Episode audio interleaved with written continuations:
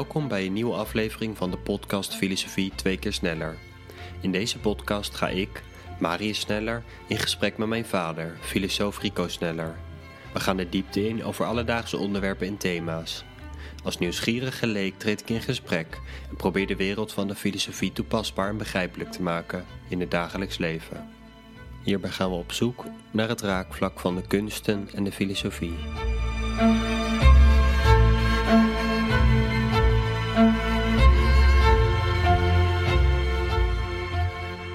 Nou, hoi pa. Hallo, Marius. Leuk om weer een nieuwe aflevering met je op te nemen. Ja, dankjewel. En ik was er deze week over aan nadenken wat voor onderwerp me leuk leek. Ehm, en ik was me toevallig een beetje aan het verdiepen in Paul Verhagen. En die heeft een boek geschreven, Identiteit. En dat was eigenlijk de inspiratie eh, voor deze podcast. Identiteit leek me een mooi onderwerp. is tegelijkertijd ook een heel breed onderwerp. Ehm, maar ik was benieuwd of er filosofen zijn die daar interessante dingen over gezegd hebben. Um, en de eerste vraag die ik eigenlijk aan je wilde stellen is... wat jij denkt dat de kern van de identiteit, van de menselijke identiteit is.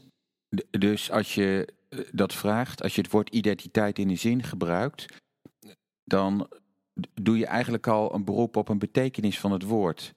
Dus als je vraagt wat is de identiteit van de mens, dan veronderstelt dat dat we weten wat het begrip identiteit zelf betekent. Mm Dat is een eerste probleem eigenlijk. Uh, zelf ben ik helemaal niet dol op het begrip identiteit. Ik zal niet zeggen dat ik het nooit gebruik. Dat, natuurlijk, die woorden gebruik je allemaal. Maar ik ben er niet dol op. Want ik moet altijd denken aan uh, mensen die heel krampachtig op zoek zijn naar hun identiteit. Of instellingen, instanties, of kerken, of scholen, of, of, of landen, of volken, of LGBT-mensen, wie dan ook. Die moeten hun identiteit uh, ja, vinden en hebben ze eigenlijk nodig. Dus dat roepen mij de gedachte op dat identiteit de functie heeft, wat het ook mogen zijn, van een soort steunpilaar. Waar je niet zonder kunt. En ik denk als je zoiets nodig hebt, zo'n steunpilaar, uh, en dan heb je het nog niet gevonden, kennelijk. En als je dan vervolgens iets vindt wat je dan je identiteit noemt, dan kan dat haast bijna per definitie je identiteit niet zijn. Uh, ik zou bijna zeggen, dan is het per definitie jouw identiteit niet. Omdat je identiteit niet vindbaar is? Of? Omdat die niet vindbaar is, inderdaad. Dat is in dus ja, omdat die niet vindbaar is. Dus alles wat men als de eigen identiteit omschrijft, kan het niet zijn. Mm -hmm. uh, nou, nog een ding. Het woord identiteit zit het woord, het Latijnse woord idem in. Dat betekent ja. hetzelfde. Ja, en ja, dat, dat suggereert dat, dat er eenzelfde is. Dat uh, in mensen of uh, organisaties of landen of groepen gegeven zou zijn. Maar ja, dat is de vraag of zoiets er is. In ieder geval gaan we ervan uit. Bij anderen bijvoorbeeld. We gaan uit, ik van jouw identiteit, in zoverre ik jou herken als dezelfde van de vorige keer. of ik een politieke partij herken als dezelfde van de vorige keer. In dat geval is er sprake van een toegekende identiteit van mij aan jou of aan de ander. Een toegekende identiteit, dat is altijd uh, ja, attributief. Hè? Ik, ik schrijf iets toe, maar of dat ook klopt, dat is uh, een tweede. Uh, daarnaast denk ik, dat er is iets anders. En daarnaast, maar er zit dus een component van toeschrijven aan. Dus toeschrijven aan. De identiteit wordt vormgegeven in het licht van wat anderen aan jou toeschrijven. Ja, in de eerste plaats. Want in de tweede plaats bestaat er ook natuurlijk de toegeëigende identiteit. Dat ik mezelf met iets identificeer. En als ik me met iets identificeer, dan haal ik iets naar me toe. Net als bijvoorbeeld, je, je bent aan het vissen, eh, zoals jij vroeger deed, en je, je hebt je, je hengel uitgeworpen en de dobber wordt aangetrokken en dan haal je uh, de hengel naar je toe. He, en die, je vist een, een vis op, je vist je identiteit op uit de wereld en je zegt dat ben ik. Maar ja, wie is die, diegene die daar spreekt? Dat is altijd een ander. En dus er zit een verschil tussen de identiteit die je aan jezelf toeschrijft en het, ja, de, de ik die daar uh, krampachtig uh, zich die identiteit probeert aan te meten. En ik denk dat daar altijd een kloof tussen blijft bestaan. Ik moet nu denken aan uh, Jacques Lacan, de grote Franse psychoanalyticus, die het begrip het spiegelstadium heeft geïntroduceerd.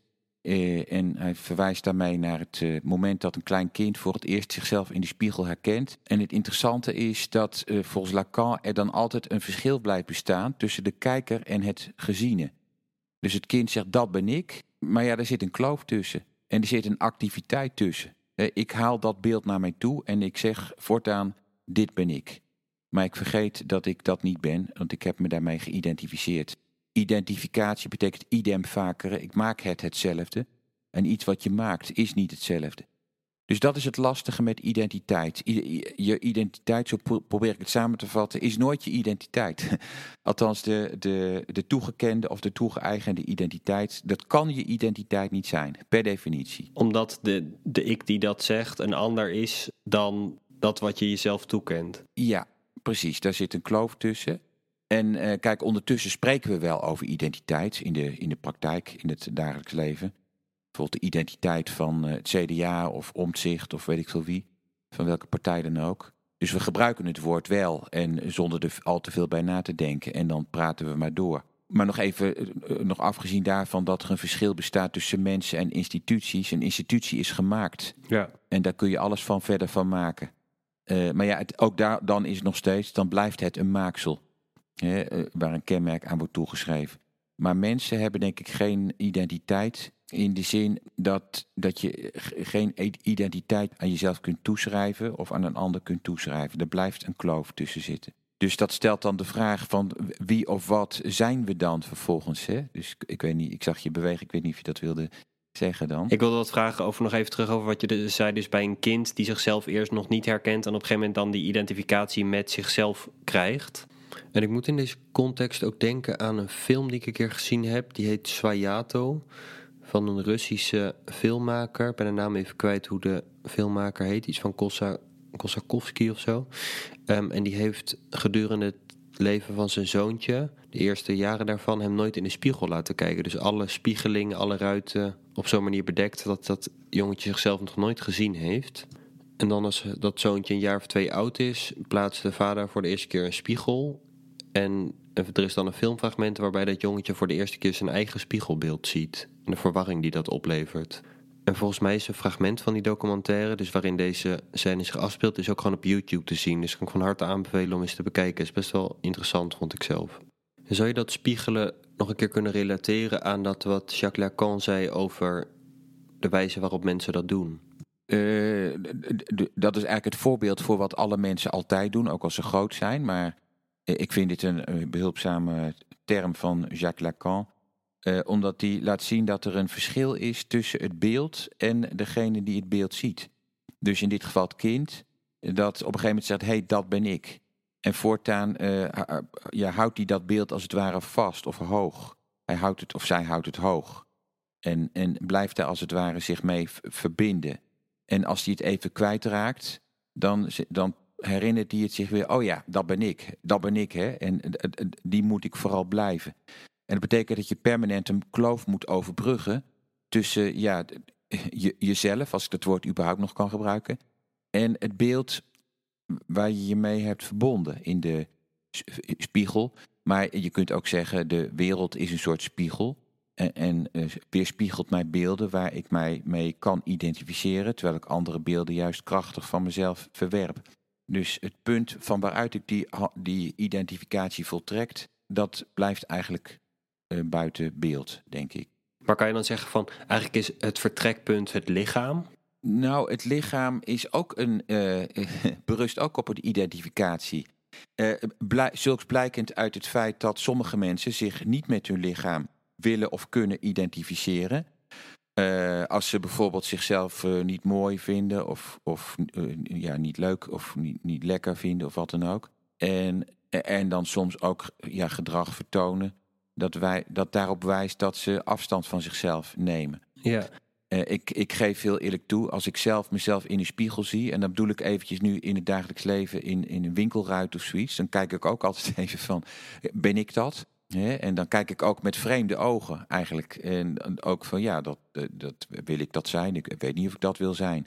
Maar of ik dat nu wel of niet wil, eh, ik wil daar iets op de een of andere manier. Uh, en ik, ik, probeer die kloof te overbruggen, positief of negatief. Mm uh, maar ik verschuil me dan maar achter, de, probeer me achter de gedachte te verschuilen, dat ben ik niet. Uh, ik, ik, heb er misschien mee te maken, het is iets wat mij volgt of wat mij op de hielen zit, maar ik, ik ben het niet. Ik, ik ben niet dat wat ik in, mijn spiegel, in de spiegel uh, als mijn spiegelbeeld zie. Precies, dat is een bevrijdende gedachte, denk ik. Dat is een bevrijdende gedachte. En waarom is dat zo? Nou, omdat uh, je, je, het is eigenlijk net als met een foto. Kijk, want een, dus een foto die radicaliseert de, de, spiegel, want de foto legt het vast. Mm -hmm. En soms zeg je wel eens van, ik vind dat ik er niet leuk op sta. Uh, maar ja, je kun je niks aan doen, want die foto is nu eenmaal gemaakt. Ja. En als die dan op het journaal komt of zo, dan denk je, oh shit, dat, dat, uh, dat ben ik. Laten. En, en, soms worden journalisten die maken extra onvoordelige foto's van, uh, van politici of zoiets. Mm -hmm. En, en, dat correspondeert dan niet met hun beeld. Even een grapje tussendoor. Mijn uh, geweldige grote vriend Willem Dugardijn, die ik al vanaf mijn studie ken. Ik was bij zijn afstuderen bij de grote hoogleraar Von der Dunk in de jaren tachtig. En heb ik een foto gemaakt van die sessie, formele sessie waarin die werd ondervraagd. Op die foto, dat was een foto waarop ze beiden net gingen zitten. Dus ze zaten in een hurkstand boven hun stoel. dus het was een uitermate onvoordelige foto. en Willem die zag zich natuurlijk zichzelf graag in een uh, florissantere pose. Maar uh, goed, dit was de foto die ik dan had gemaakt. Ja, ik herinner me wel dat de foto's die jij maakte altijd te zeer bewogen waren. Maar goed, uh, ga verder met je verhaal. Maar dus ook in dit geval, dus het bevrijdende inzicht voor hem zou dan kunnen zijn van ja, dit is een foto, dit ben ik niet. Dit, is, dit ben ik al, ik heb dit achter me gelaten. En, maar, maar toch is er, heb je gevoelsmatig, identificeer je je toch met je lichaam. Je moet denken aan, er zijn bepaalde neurologische aandoeningen beschreven waarin mensen zich niet identificeren met een bepaald lichaamsdeel. Um, waarmee ze zich niet langer identificeren en soms, nou ja, daadwerkelijk uh, proberen dat af te zagen of in een ijsbad te zetten, omdat ze zich zo niet meer met dat lichaamsdeel identificeren, dat ze ervan af willen. Terwijl het toch, ja, dat is iets compleet anders dan als hoe de meeste mensen hun lichaam ervaren. Dus er is toch een identificatie. En dat lijkt me ook wat je beschrijft, uh, inderdaad uh, heel erg uh, pathologisch of zorgelijk. En daar heb je vast ook wel mildere varianten van, denk ik. Maar uh, ik zit te denken, misschien zou je het zo kunnen zien. Want ja, natuurlijk is er wel een relatie tussen mij en mijn lichaam. En in feite ook tussen mij en mijn spiegelbeeld. Maar misschien dat het woord spiegel hier noodzakelijk is. Want ik zou zeggen, die mensen die je beschrijft, die zien zich niet weerspiegeld in hun lichaam. En ik, ik zou dus de hypothese willen uitspreken dat uh, mijn uh, ja, identiteit, ik moet een ander woord zoeken, want ik hou niet van dat woord, maar van mijn ik, uh, weerspiegeld wordt door mijn beeld. Dus het beeld zelf ben ik niet, maar het weerspiegelt mij. Ik kijk in mijn beeld in de spiegel. Of ik kijk in de spiegel in de spiegel. En dus als ik in de spiegel kijk, letterlijk in de spiegel, dan zie ik mezelf kijken. En misschien is dat datgene wat van mij uh, is en wat bij mij hoort. Dus niet mijn beeld, maar dat ik mezelf zie kijken. En, en, maar dat kan dus ook zijn met een ander mens. Met wie ik in sommige gevallen een empathisch contact heb. En als ik die andere mens aankijk in zijn of in haar ogen, dan kan ik, laten we zeggen, misschien wel mezelf zien kijken. Of iets in mijzelf zien kijken. En, en, misschien kun je dat zelf ook wel het andere noemen, wat ik zelf ben eigenlijk. En dus we gaan misschien nu in de richting van wat me aanspreekt, dat ik een ander ben. En dat andere, dat is iets wat mij wel vertrouwd en uh, misschien zelfs intiem is, maar toch niet helemaal toe te eigenen is. En dat, wordt mij weerspiegeld, uh, of wordt mij niet weerspiegeld, door uh, ja, mijn eigen lichaam of door uh, dus het spiegelbeeld wat ik heb of ideeën die ik over mezelf heb. Dus dan probeer ik een tussenruimte te houden tussen de beelden die ik naar mezelf toetrek en datgene wat ik in die beelden zie. Uh, en dat laatste heeft misschien iets ongrijpbaars. Kan je misschien een voorbeeld geven om die twee te illustreren? Nou, ik, ik zie dus een overeenkomst tussen uh, ik die naar mezelf in de spiegel kijk en mijzelf zie kijken.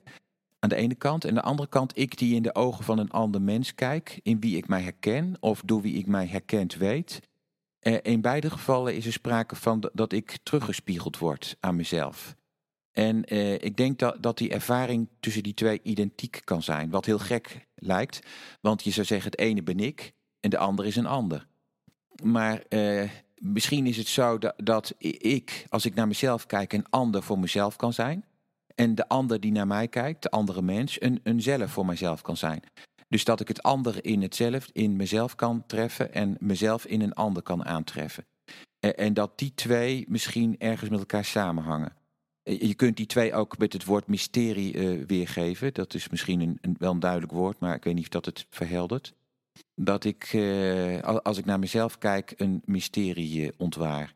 En dat dat de, eigenlijk de diepe bodemloosheid is, die ik als, ik als het goed is altijd zie of zou kunnen zien. Ook in de idolen of de eh, identiteiten die ik mezelf heb aangemeten uit de samenleving. Bijvoorbeeld stel ik ben een, jongere en ik identificeer me met eh, nou ja, een of andere hedendaagse popartiest. In mijn tijd Michael Jackson of weet ik veel wie, maar iemand die dat nu is.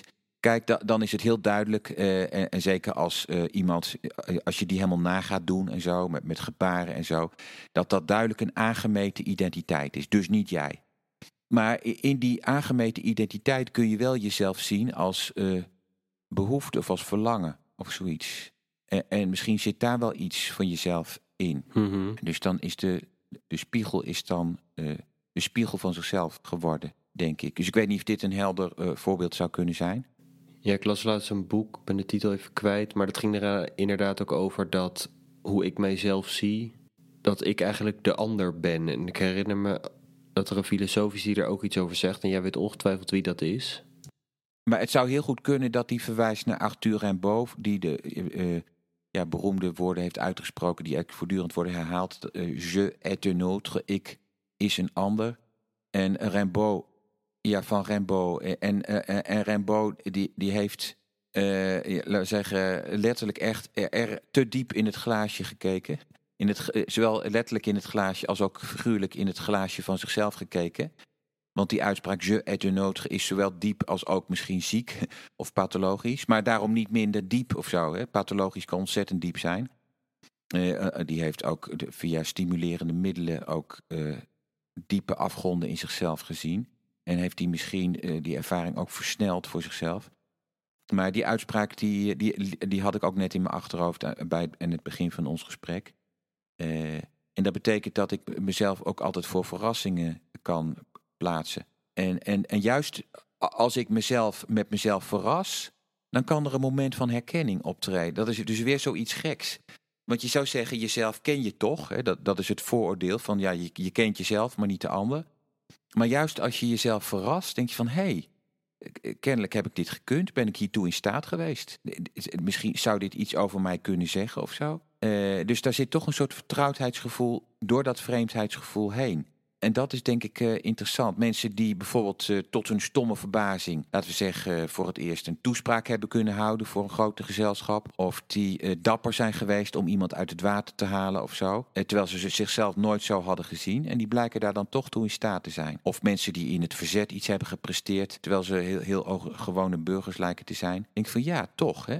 En dan, ja, en dat, dat kan dan verrassend voor ze zijn. En ja, ik zou dat ook wel het verrassingselement bij het identiteitselement eh, zou ik daarmee willen heel sterk mee willen verbinden. En denk je dat dat dan is omdat het een soort barst is in de betekenislaag die je jezelf of, of je omgeving aan jou hebben toegekend?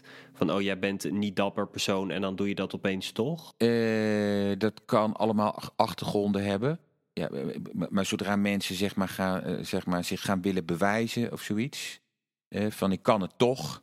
En mijn vader of mijn moeder zei altijd ik kan het niet, maar ik kan het toch. Ah, ja, dan is het verrassingselement eraf. Dan is het verrassingselement eraf. Kijk, da- dan kan het alsnog zijn dat je jezelf weet te verrassen. Tuurlijk, dat kan. Maar die verrassing kun je niet, je, je kunt jezelf niet eh, actief verrassen of zo. Hè? Dus de- je wordt verrast door jezelf. Ja, een beetje alsof je probeert jezelf te laten schrikken. Ja, precies. Dat is, dat is een paradox. Dus dat, dat maakt eigenlijk, dus de, de hele gesprek g- gaat ook over het, toch het eigenaardige verschijnsel van het bewustzijn.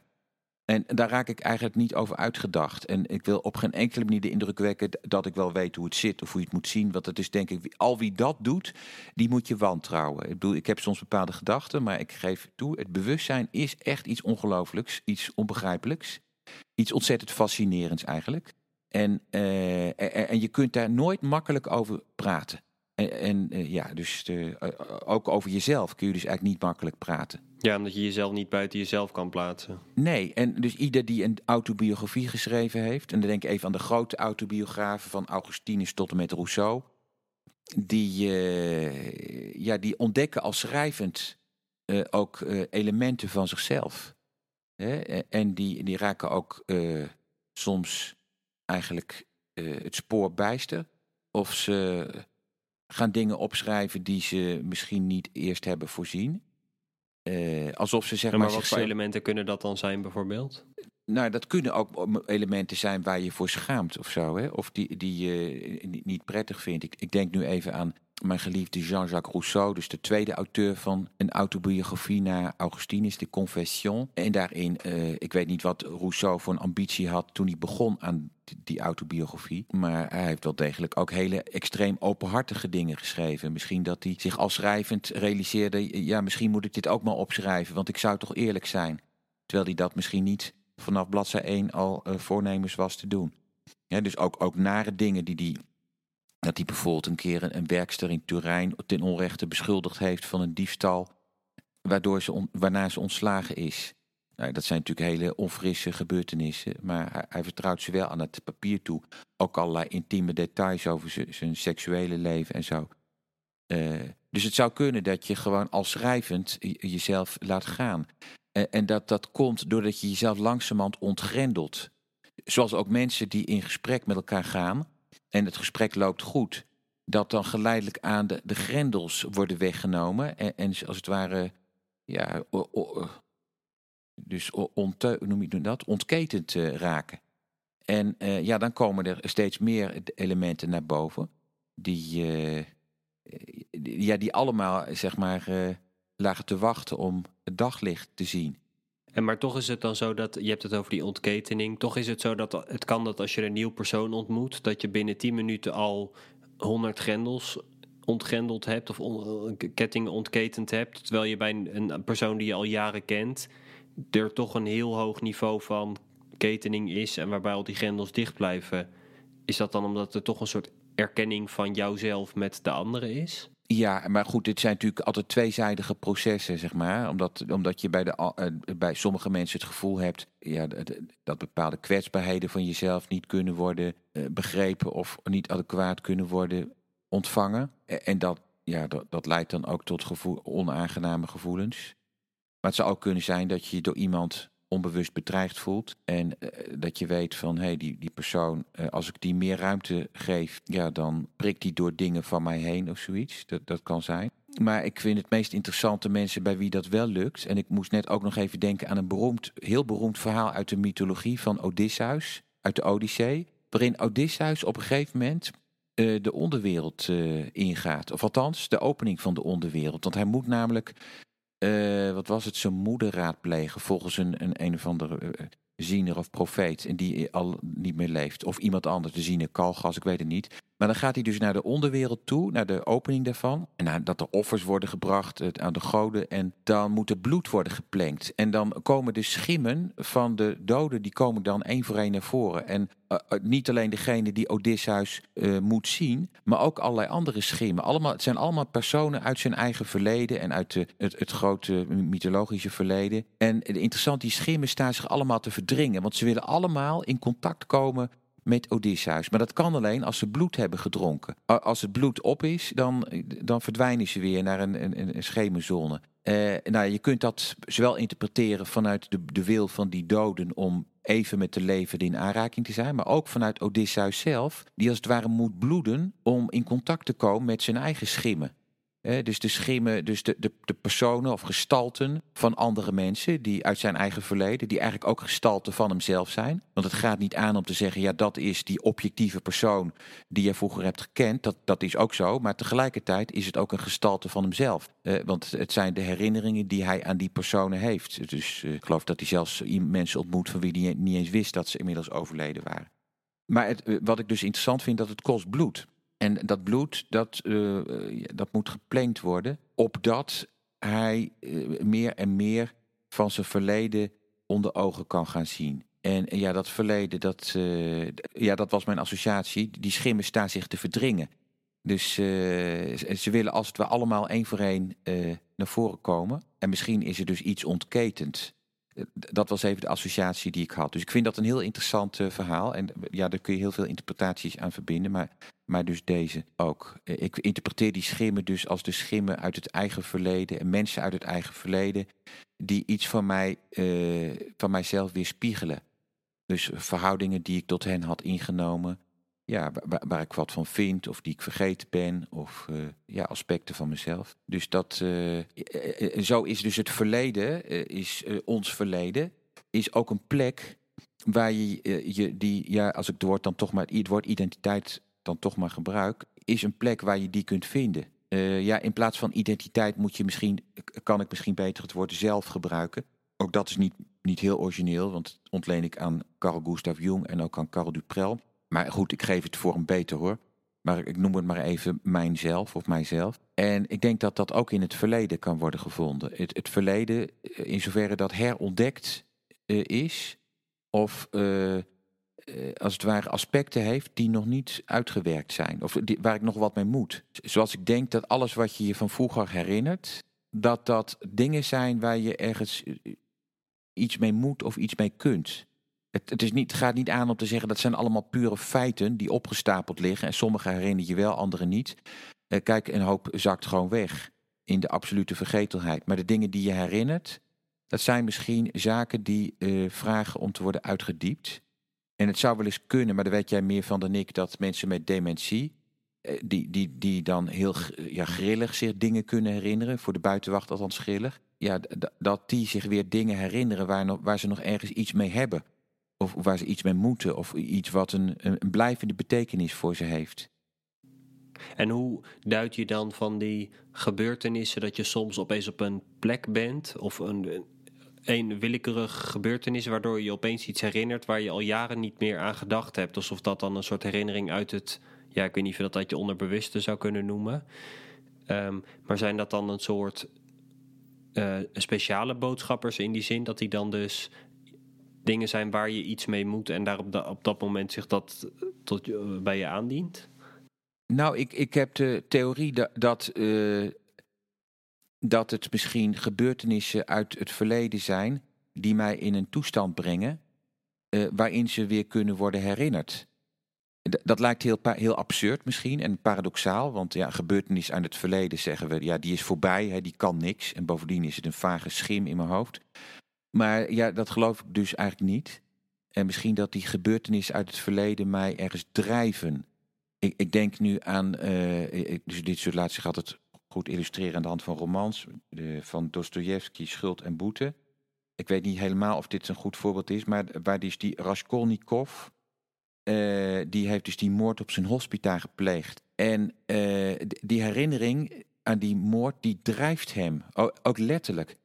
Dus die drijft hem uiteindelijk steeds op weg naar het politiebureau. Ja, en dat is heel erg gek. En ook ik vind dat heel diep dat zo'n Dostoevsky dat soort dingen gezien heeft. En het zou kunnen dat, uh, dat, je dat, ook op, dat wij dat op ons eigen leven kunnen toepassen. Ja, dat wij onszelf in situaties manoeuvreren waarin herinneringen willen worden uh, opgediept. Of willen opnieuw zijn, uh, door, doorleefd willen worden. Dat, dat kan uh, een jeugdherinnering, ja, dat is altijd een herinnering is altijd van eerder, maar dat, kan dus iets van korter of langer geleden zijn. Uh, ja, dat stuurt mij ergens heen. Uh, het zij naar een, een, misschien wel een huwelijk of een relatie, het zij naar een vakantiebestemming of misschien zelfs een woonplaats, zou ook zomaar kunnen. Of een, of een, een land of zoiets, dat, dat kan allemaal. Er zijn mensen die dit met reïncarnatie in verband brengen. Dat, dat, dat zou ook kunnen. Dan ga je nog een stap dieper, dat weet ik niet. Maar ik denk dat, dus dat, ik wil helemaal niks uitsluiten. Maar... Dus je zegt dat het soort onbewuste, dat drijft ons mogelijk naar plekken of naar situaties toe die een voedingsbodem bieden om weer een oude herinnering op te halen waar je nog iets mee moet. Ja, en, en, en het zou zelfs zo kunnen zijn, en dan ben je al aan het bovenpersoonlijke, bij het bovenpersoonlijke uitgekomen. Ik herinner mij een uitspraak van mijn geliefde Ludwig Klages, Duits filosoof, 20e eeuw, dat hij zegt, dan heeft hij het over bijvoorbeeld een misdaad die ergens begaan is. Uh, dan eerst uh, oppert hij de mogelijkheid dat uh, een misdaad die ergens begaan is, de plek voor goed, als het ware, tekent. Dus uh, door ook al is de moord, de, de, de vermoorde en de moordenaar zijn die al lang weg. Is er alleen nog maar een bosje over of zo. denk bijvoorbeeld aan, ik heb het ooit zelf in een college als, als voorlicht, noem je dat, als voorbeeld gebruikt. het schilderij La Maison du Pendu van, nu ben ik even vergeten wie dat schilderij heeft gemaakt het Huis van de Gehangenen. Dus daar zie je een, een, een dorpje in Frankrijk met een weggetje naar beneden. En gewoon een dorpstafereeltje zonder. Je ziet er geen mensen op. Alleen dus de gevel van een huis. En uh, ja, het heet het Huis van de Gehangenen. Uh, dus daar is iemand. Uh, nou, ik, ik verbeeld me dat, dat het gaat om iemand die zichzelf heeft verhangen. Maar het zou natuurlijk ook iemand kunnen zijn die geëxecuteerd is. Ik weet niet wat er bedoeld is. Of dat nu Cézanne is of zo. Misschien is het Cézanne. Ja, Cézanne. Cézanne, ja. Uh, maar goed, dan zou het uh, zou zijn dat dat huis, hoe kaal en leeg het er ook bij staat, met die bomen daaromheen, ergens getuigt van die gebeurtenis. Maar een nog diepere mogelijkheid, die Klages daarna oppert, is dat sommige plekken een misdaad naar zich toe trekken. en dat vind ik ook, dat is natuurlijk, je zou zeggen, super speculatief. Maar ja, oké, als je dat erbij zegt, dan geeft het niet. Uh, en, maar het, het, het verraadt natuurlijk ook een, een, diepe, een diep gevoelscontact met plekken. Hè? Met, met, met plekken die, waar iets bijzonders hangt.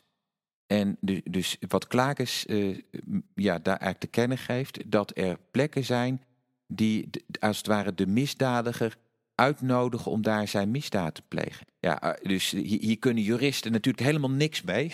Want daarmee zou de misdadiger vrijgepleit zijn van zijn misdaad. Maar dat is niet de bedoeling van Klaakens natuurlijk, absoluut niet. Maar uh, ja, wat sowieso zo is, dat is een gedachte. Ik, weet niet, ik hoop niet dat ik het nu heel erg banaal maak. Maar ik denk bijvoorbeeld Amerika, daar komen veel horrorfilms vandaan. En eh, vaak hele slechte, maar soms ook goede.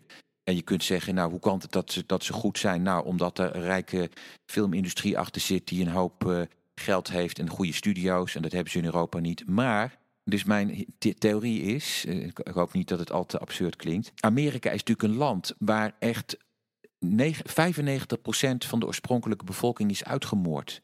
Dus de Indianen. Er zijn nog een enkele groepjes, plukjes hier en daar over. En voor de rest zijn ze verdwenen. Uh, zou het zo kunnen zijn dat uh, dus heel veel uh, ja, horrorgebeurtenissen of scènes toch ergens een, een, band hebben met gebeurtenissen van wel eer? dus spokende indianengeest of wat dan ook. Dus dat is een, een open gedachte die ik heb. Oké, okay, vergezochte gedachte. Maar er zijn natuurlijk een heleboel plekken waar in het verleden... Precies. Ja, ik bedoel, als ik denk aan de, de Gulag-archipel... of in ieder geval de Sovjet-Unie... dat zijn ook geen, er zijn ook niet echt prettige dingen gebeurd. Nee, om precies. het even heel eufemistisch uit te drukken. Waar je dan misschien niet dat ziet. Ja, misschien dat je het dan op andere soort manieren zou zien. Precies. Dus misschien dat, dat ik het, het voorbeeld Amerika niet al te zeer moet uitlichten. Want uh, overal... En, en uh, kijk, hoe, hoe lang zijn er niet mensen op deze wereld... en de indianen die wij kennen... dat zijn ook niet eens de oerbewoners... want daar zijn ook nog weer stammen aan vooraf gegaan. Dus zo, duiken we in de diepe verleden. Maar, uh, maar goed, dus de, de mogelijkheid dus dat een plek uh, gebeurtenissen aantrekt. En op sociologisch niveau is dat herkenbaar. Als je bijvoorbeeld kijkt van waarom gaan mensen hier graffiti aanbrengen en daar niet. Of waarom gaan uh, zwervers of dakloos of junks hier naartoe en daar niet naartoe. als je dat probeert te verklaren, dat, dat klomt al veel dichter binnen het begrijpelijke en het uitlegbare. Ja, ja, en hoe relateer je dat dan weer aan identiteit? Of is dat echt even een los zijspoor? Nou, identiteit uh, is een spiegelings, uh, zou ik opvatten als een spiegeling. Dus uh, met die verstande dat ik het woord identiteit liever door zelf zou willen vervangen. En dat, dat daar een spiegelingsrelatie plaatsvindt. Dat iets waarmee ik mij meen te kunnen identificeren, dat, dat ik daar iets in, iets in herken. Ja, ja, maar nu komt het, hoe moet ik dat dan volgens uitrekken als van mijzelf? Ja, dan heb ik toch weer de toe-eigening voltrokken. Maar laat ik zo zeggen, iets wat, bij mij hoort. Of iets waar ik wat mee moet. En het voorbeeld van die, die moord waar de plek toe lijkt te hebben uitgenodigd, zou misschien een, een onbewuste spiegeling zijn van een, een plek die, die de moordenaar spiegelt. of die het, uh, het, het handelen van de moordenaar uh, uitlokt. Maar ik wil dit punt wel echt met heel grote omzichtigheid brengen hoor. Want voordat je het weet, denken mensen dat, vooral als ze zelf slachtoffer van een misdrijf zijn geworden, dat er eigenlijk helemaal niemand schuldig is of zoiets. En dat het zo heeft moeten zijn. Zo ver zou ik niet willen gaan, absoluut niet. En als je slachtoffer van een misdrijf bent geworden, dat is heel erg verschrikkelijk. Dat is ontzettend naar. Maar goed, Het zou kunnen dus dat er spiegelingsrelaties eh, zich hebben afgespeeld die mensen tot handelen brengen. Eh, Maar een spiegelingsrelatie is niet een causale relatie. Dus eh, het is niet zo van eerst was er de plek en toen was er de moordenaar. Spiegeling is volstrekt tegelijkertijd, denk ik. En is eigenlijk een gelijktijdigheid van oorzaak en gevolg. En dus kunt ook zeggen er is geen oorzaak en gevolg. Ja, dus vandaar dat ook dat wat je net zei over de dader en slachtoffer, dat, dat heeft niks te maken met dat veroorzaakt dat of zo. Het is dus een, een, een soort spiegeling. Ja, ik weet niet of je dat ook een synchrone situatie zou kunnen noemen. Een synchroon, ja. Syn- Een soort synchroniciteit. Z- zonder, zonder duidelijke causale relatie. Ja, en het zou kunnen dat het causaliteitsbegrip, dat, dat eigenlijk al ons hele leven doordrenkt. Sowieso natuurlijk de rechtspraak, maar ook de wetenschap. eh, En ook ons alledaagse verstaan van dingen. Dat dat onze grootste valkuil is. Eh, eh, In zoverre we daar een werkelijkheidskarakter aan toekennen. Kijk, eh, het, het kan ons oriënteren, pragmatisch. Van als ik naar de supermarkt ga, dan kan ik daar spullen kopen of zoiets. Dus dat is pragmatisch. Maar als we die causaliteit gaan toepassen op de werkelijkheid zelf, en dat doen we, dat we dan de plank misslaan. Als we willen weten, wa- wat is er nu uiteindelijk zo? Hè? Hoe komt dit nu uiteindelijk? Hè? Dan, eh, dan gaan we doen alsof er een oorzaak is die absoluut eh, de oorzaak is van dit gevolg.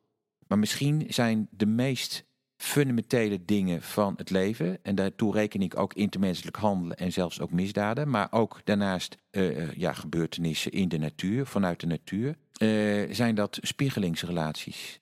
En dus gelijktijdigheidsrelaties en dus synchroniciteitsrelaties. Dus ik geloof echt dat het synchroniciteitsbegrip een eh, beloftevol begrip is. En eh, ik heb daar dus een paar jaar geleden het boek over geschreven, Perspectives on Synchronicity. Maar hoe meer ik daarover nadenk, hoe je, hoe, ook al heb je er een boek over geschreven, hoe ingewikkelder ik het begrip eigenlijk nog steeds vind. Het, het is een, een begrip wat de dingen zo op hun kant plaatst, dat je eigenlijk weer eh, ja, helemaal op, van, van voren af aan moet beginnen.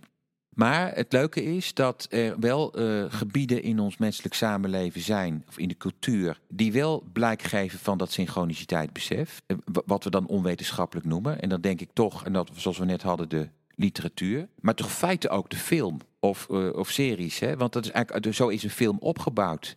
Ik, ik denk nu even aan de detectives. Ik hou van Scandinavische detectives. Ja, die zijn opgebouwd vanuit synchroniciteiten. Personages die bij elkaar moeten komen op een gegeven moment. Gebeurtenissen die ongeveer in elkaars eh, gelijktijdige, eh, eh, gelijktijdigheid plaatsvinden. Ja, ik moet denken aan, ik was een, volgens mij een jaar of twee geleden bezig met, nou toen deed ik een, schreef ik een soort scriptie bij de psychiatrie. En ik verdiepte hem toen in narratieve therapie, dus ook veel in narratieven. Het, het levensverhaal van mensen en hoe verhalen zijn opgebouwd. Ehm, en vaak, misschien intuïtief heb je, de, heb je het idee van een verhaal is opgebouwd van dat leidt tot dat, leidt tot dat, leidt tot dat, leidt tot dat. En dan aan het einde van het verhaal is de ontknoping. Bij een detective, nou ja, dan het, dat ze vinden wie de, de dader is. Maar eigenlijk dat een verhaal altijd ook aan het begin eh, het, het einde zit in het begin. Want juist door de hele manier waarop het hele verhaal is opgebouwd, is met het einde in het begin.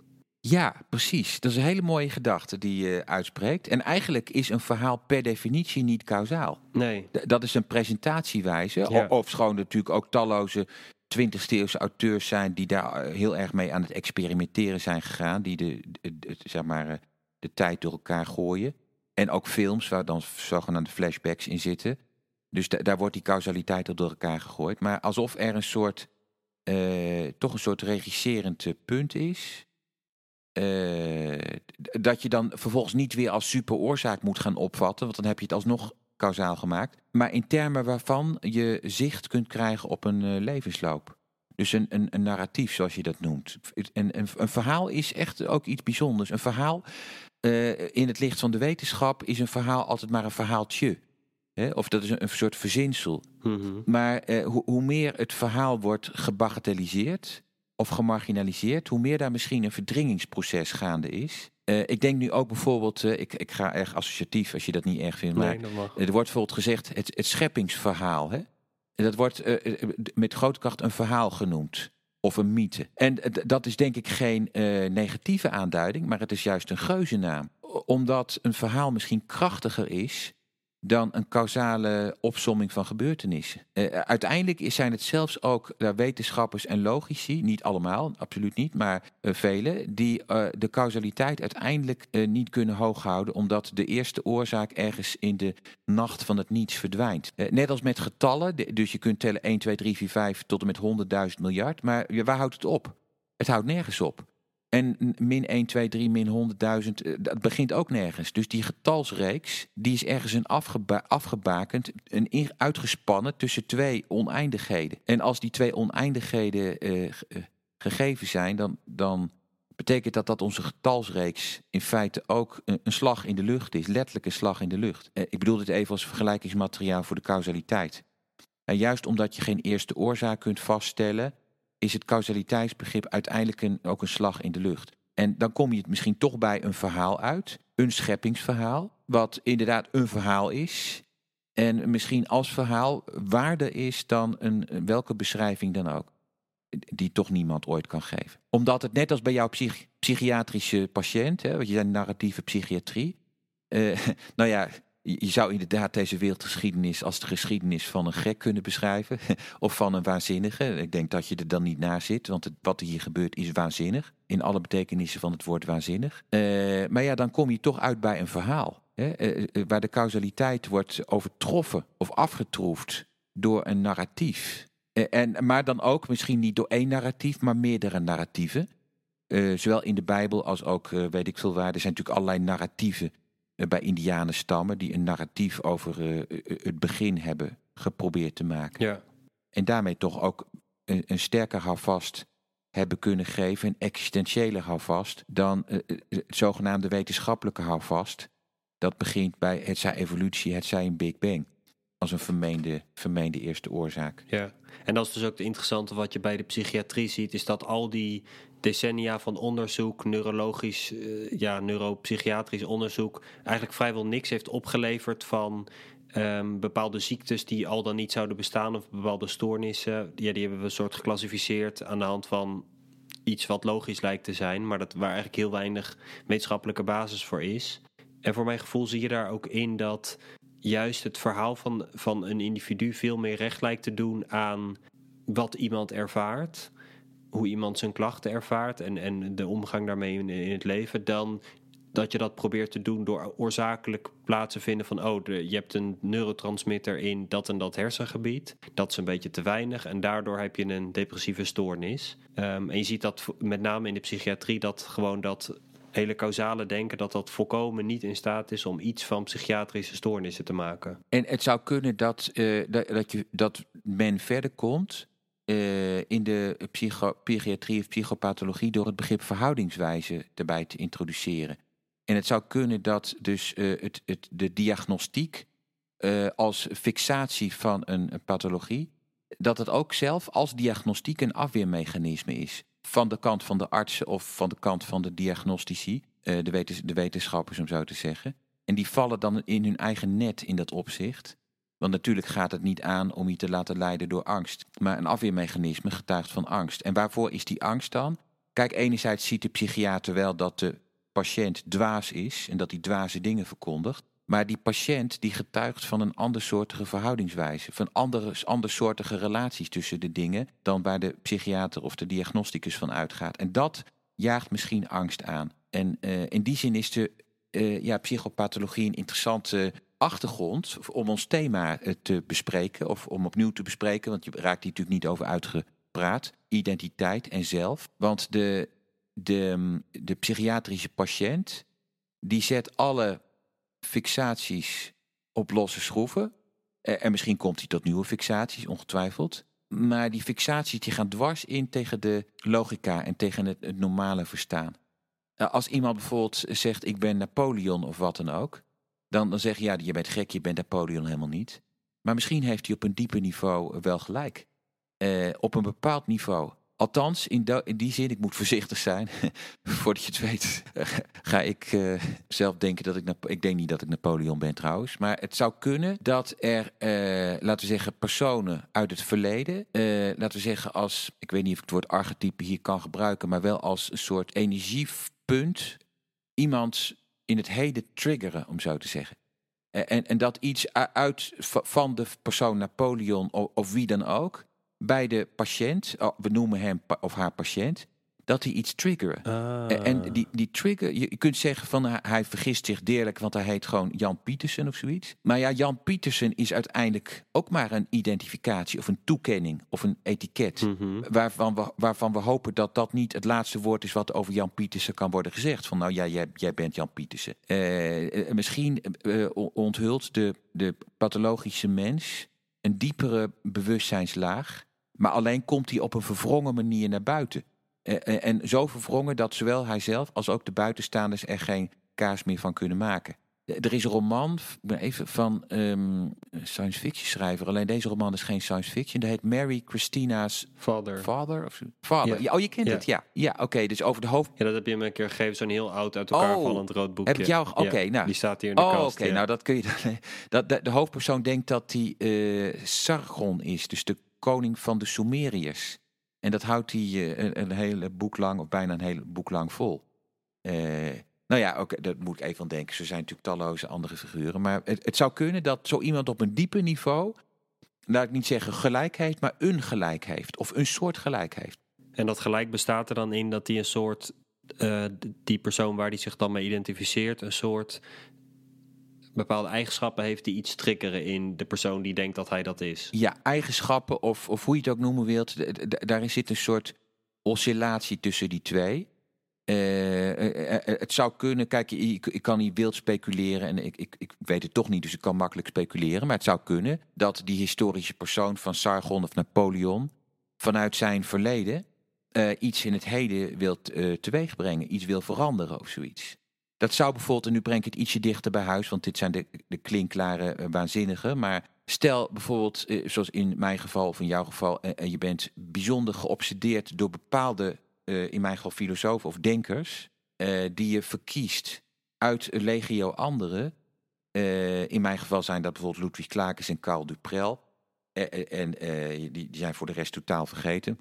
Misschien is het zo, zeg ik wel eens voor de grap tegen mezelf, fluister ik, van alsof zij vanuit een hiernamaals eh, mij eh, als hedendaags mens prikkelen om nog iets met hun werk te doen.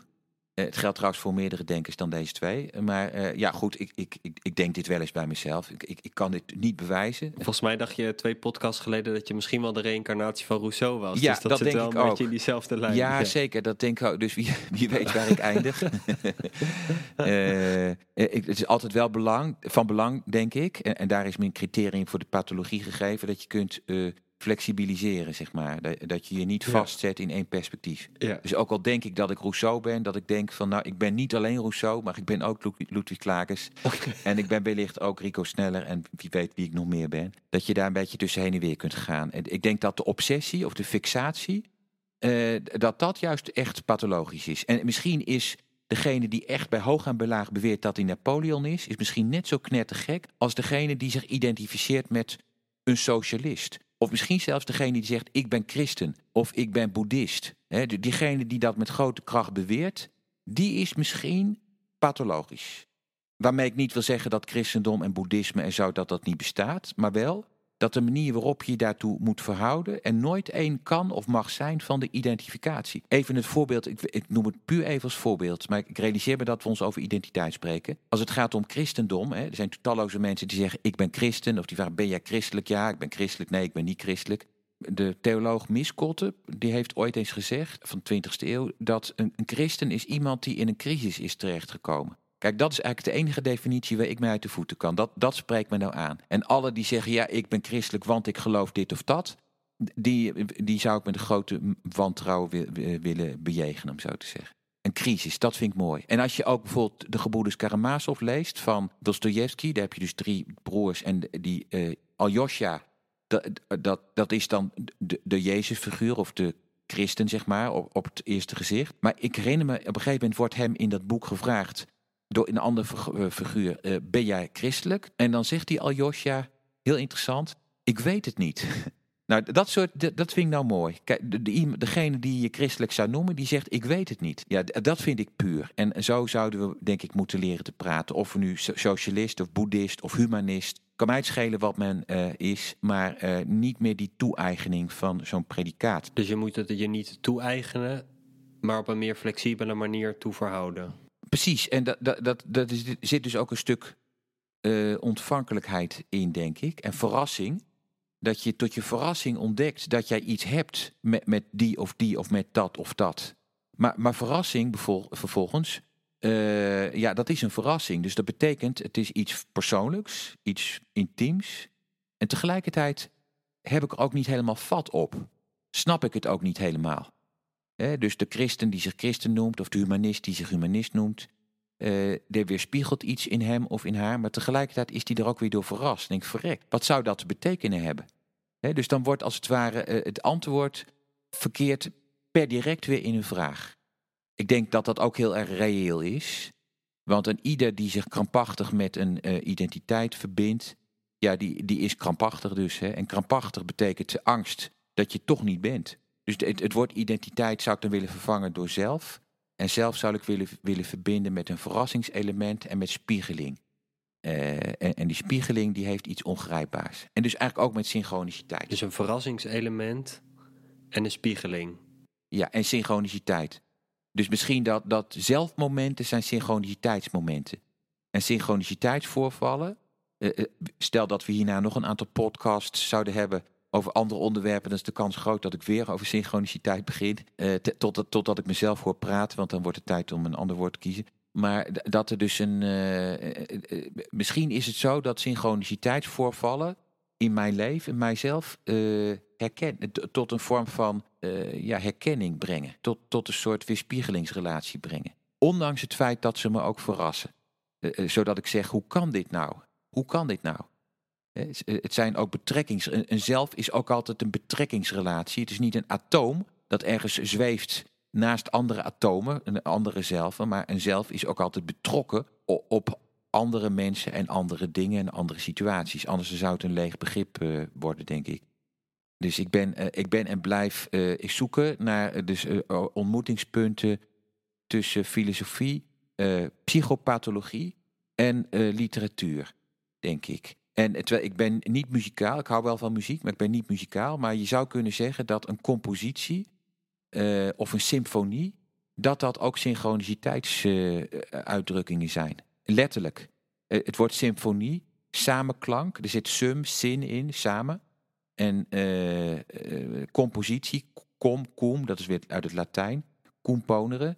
En hoe, hoe worden composities gemaakt? Dus daar kan een muzikus misschien beter over praten dan ik. Maar wat ik ervan gelezen heb van componisten, dat ze die uh, als het ware als complexen in hun hoofd horen of zien. En niet uh, één voor één uh, van begin tot einde, laten we zeggen, zo'n compositie kausaal opbouwen. daar, heb ik diverse. Nogmaals, ik kan niet namens alle componisten spreken, maar ik, ik heb een aantal componisten gehoord, zoals Brahms, of Mozart geloof ik, die zich op deze manier hebben uitgelaten over hun compositie. Dus een muziek, een, symfonie, of een kwartet of, of een trio, hoe je het noemen wilt, zelfs een duet. Dat zijn allemaal uh, synchroniciteitsuitdrukkingen, uh, om zo te zeggen. En, en kunnen dus ook uh, illustratief zijn voor, uh, ja, voor identiteits- of, of zelfontdekking. De zelfontdekking door middel van muziek. Oké, dus ik ga volgende keer met hele nieuwe oren naar uh, klassieke muziek luisteren als ik dit zo hoor. Uh, en dus ook een verhaal op een andere manier uh, bekijken. Ik, ga op zoek naar de, nou, niet op zoek naar de synchroniciteit, want je kan er niet naar zoeken, maar in ieder geval openstaan voor de synchrone ervaring. Ja, en er zijn diverse filosofen geweest die muzikaal talent hadden. En wetenschappers, ik denk niet alleen aan Jean-Jacques Rousseau en Adorno, maar ook aan Paul Kammerer, bioloog 20, begin 20e eeuw. Die hadden allemaal een sterk muzikaal gevoel of componeerden zelf ook. En ja, dat vind ik interessant, uh, een heel interessant uh, gegeven. Dat zegt iets over de manier waarop, ze, waarop hun bewustzijn uh, functioneert. Ja, oké. Okay. Nou, ik denk dat we zo wel heel wat stof tot nadenken hebben gegenereerd. Nou, um, bedankt voor je tijd. Ik vond het, ik vond het een leuk en inspirerend gesprek. Graag gedaan. En veel stof tot nadenken. Jij bedankt. Dankjewel, dankjewel. En uh, nou, tot uh, de volgende keer. Tot de volgende. Mocht je willen reageren op deze aflevering of een suggestie willen doen voor een nieuw onderwerp, stuur dan een mailtje naar info@filosofie2keersneller.nl.